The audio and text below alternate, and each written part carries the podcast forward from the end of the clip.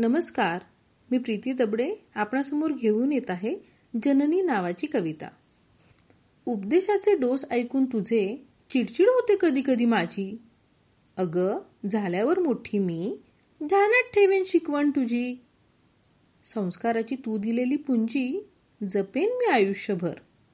असेल माझ्या प्रत्येक कृतीत तुझ्या शिकवणीचा वापर.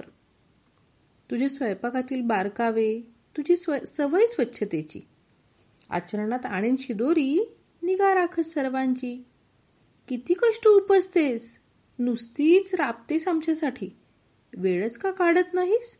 तू कधी स्वतःसाठी? मोठे झालो सारे आम्ही.